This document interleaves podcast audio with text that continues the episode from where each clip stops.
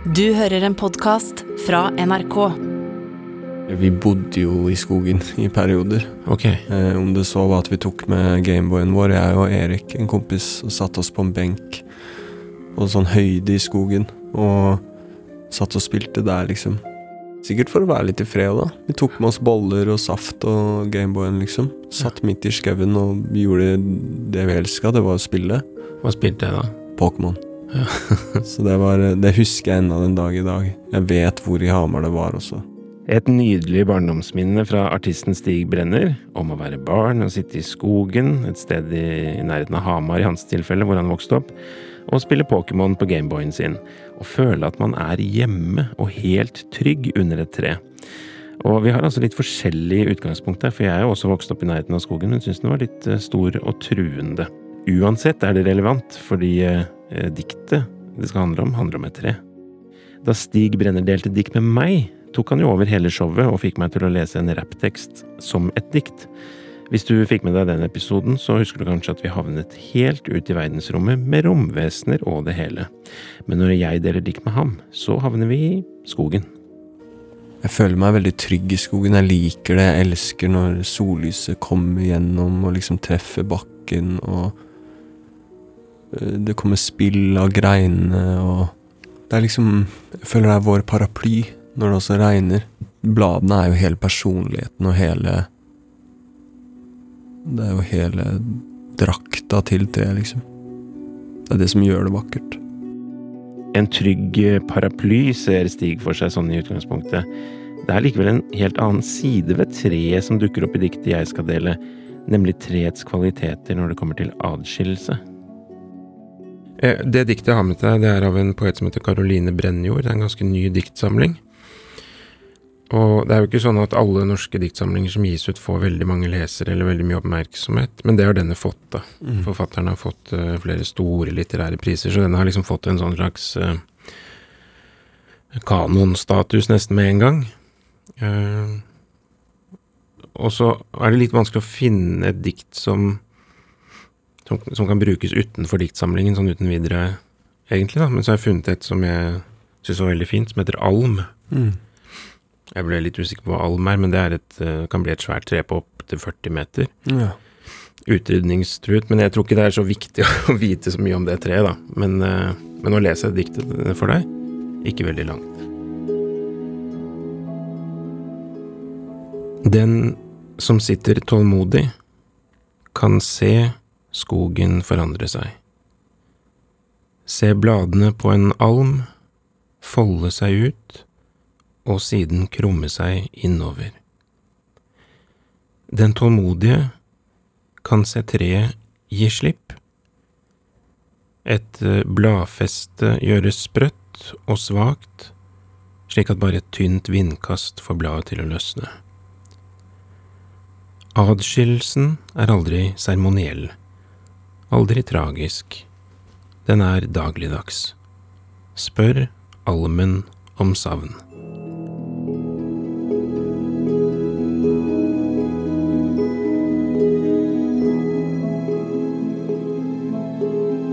Det var det.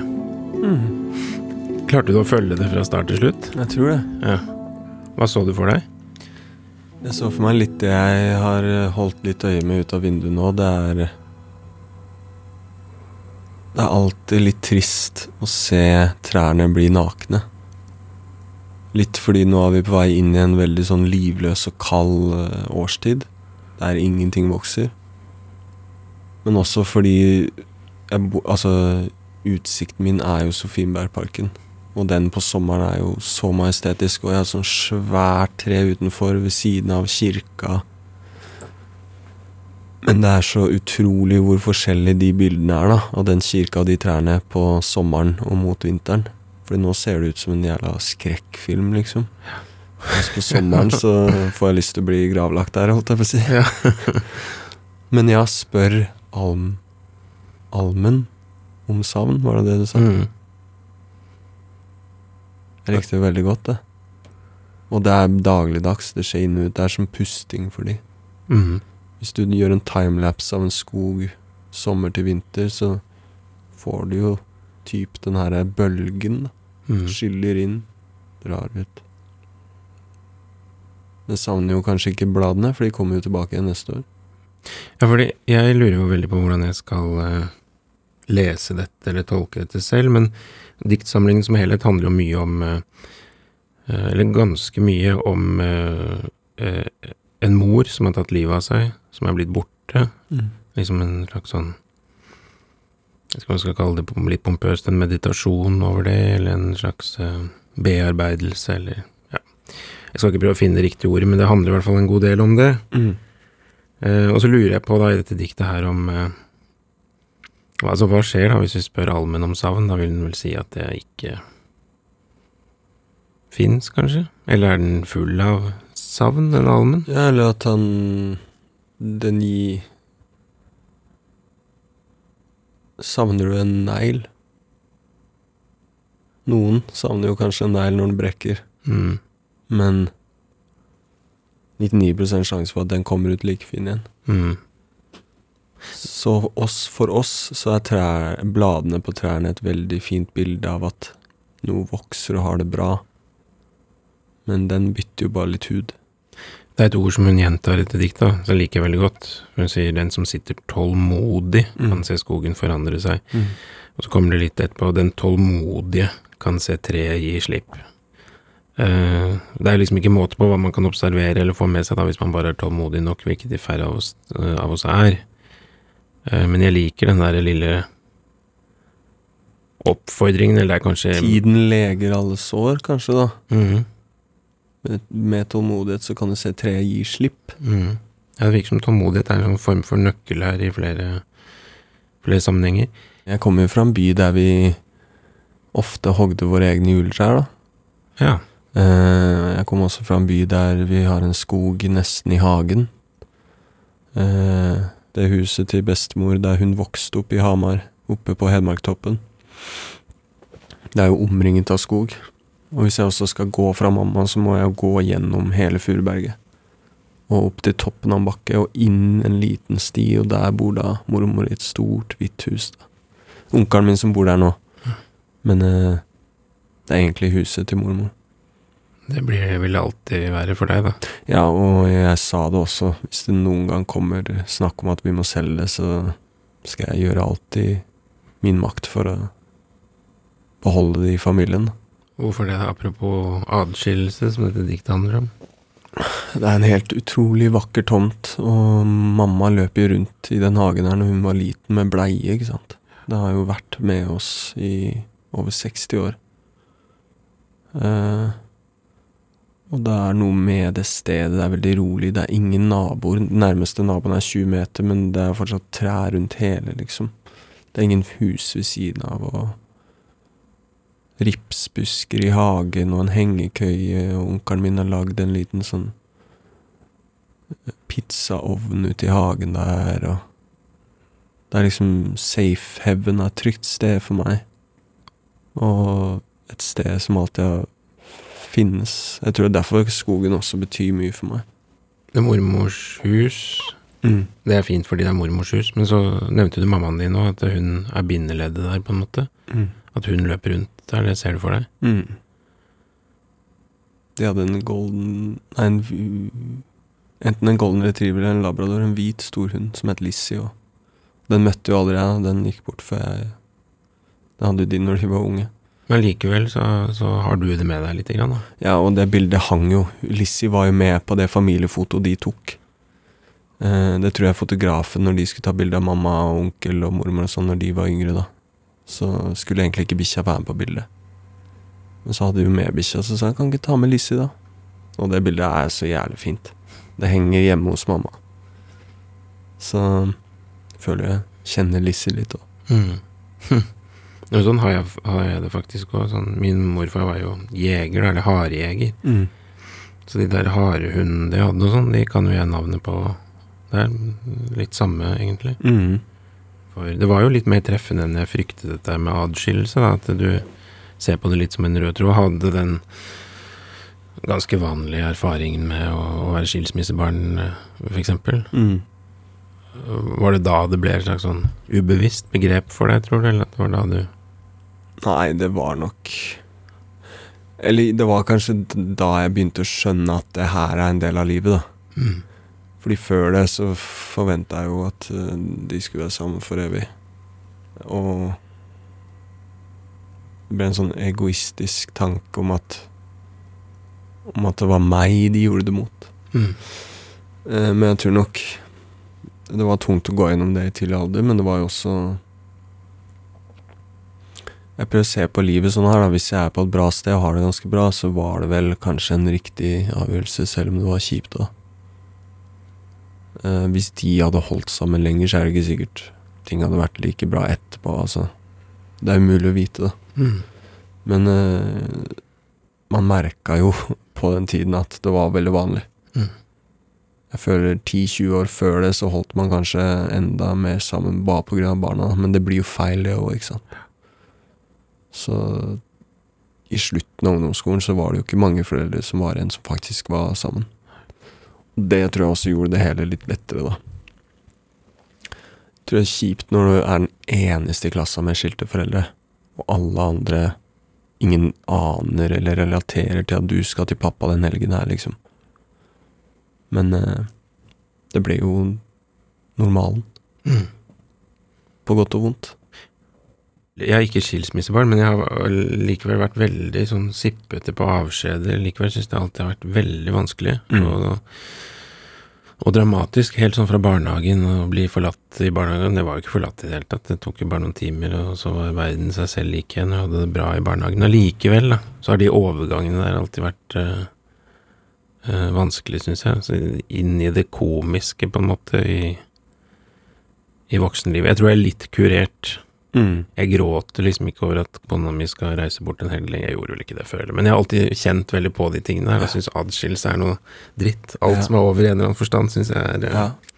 Jeg er helt enig, og det, det er vanskelig, og vanskeligere for noen av oss. Jeg husker enda når mamma og pappa var sammen, og de satte meg og broren min Satte oss i Trondheim. De, de kjørte oss til Trondheim, for der bodde bestemor og bestefar. Eh, skulle dit i Spania en uke, ha litt kvalitetstid alene, eh, fri fra barn og alt.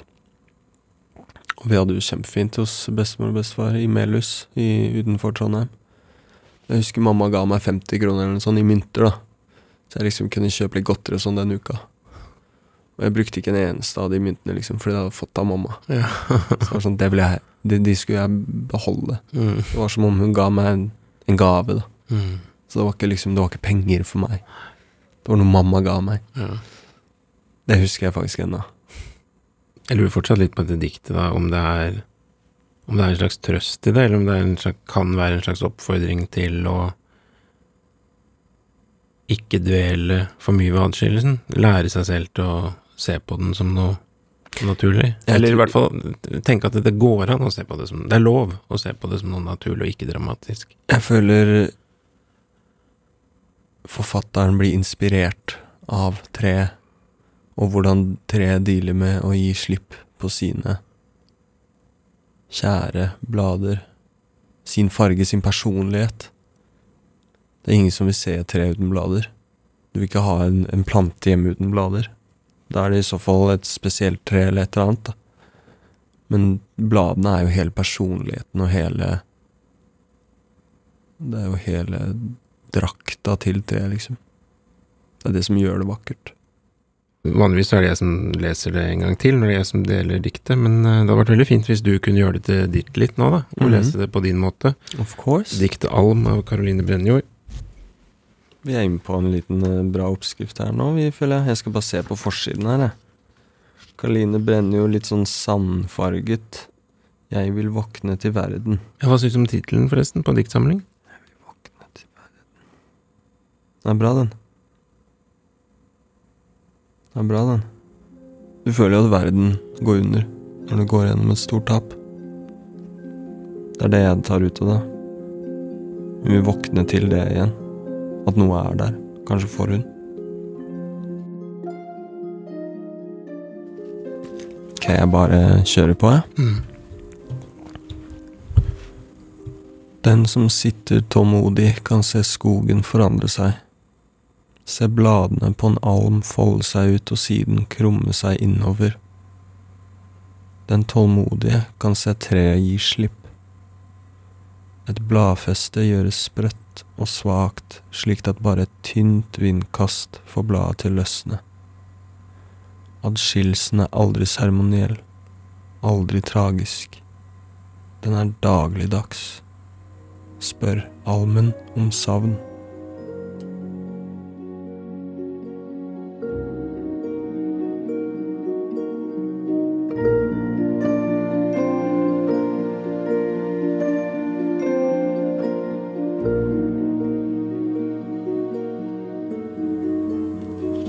Det er et veldig fint dikt.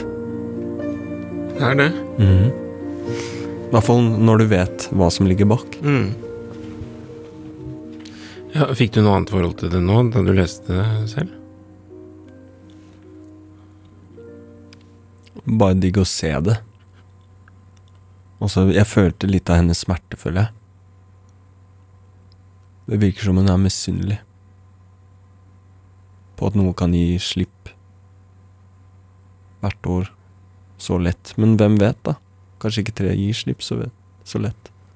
Ja, for jeg syns du satte noe veldig fint på plass, og det var at uh, jeg kom med en litt sånn pedagogisk tolkning av dette diktet, som gikk ut på at det nærmest var en slags sånn oppfordring til oss at uh, vi trenger ikke å ta så tungt på den der adskillelsen, eller vi kan la oss inspirere av treet, mens du snakker litt mer sånn jeg forstår det, om å på en måte bare stå og betrakte hva som skjer med det treet, Mm. og så kanskje føle på en misunnelse, eller være fascinert av det bare. Mm. Takk for det. Takk for det selv.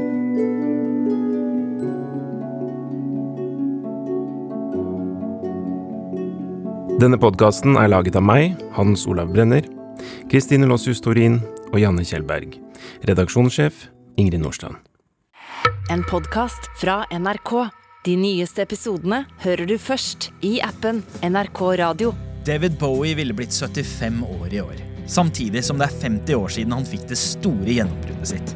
Han utvikla popmusikken og artisten som konsept gjennom de mange karakterene han skapte og ikledde seg. Men hvordan iscenesatte David Bowie seg selv og gjorde seg til et kunstlerret i sin lange og svært innholdsrike karriere? Og hvorfor gjorde han det? Hør mer om dette i den nye episoden av Musikkrommet i appen NRK Radio.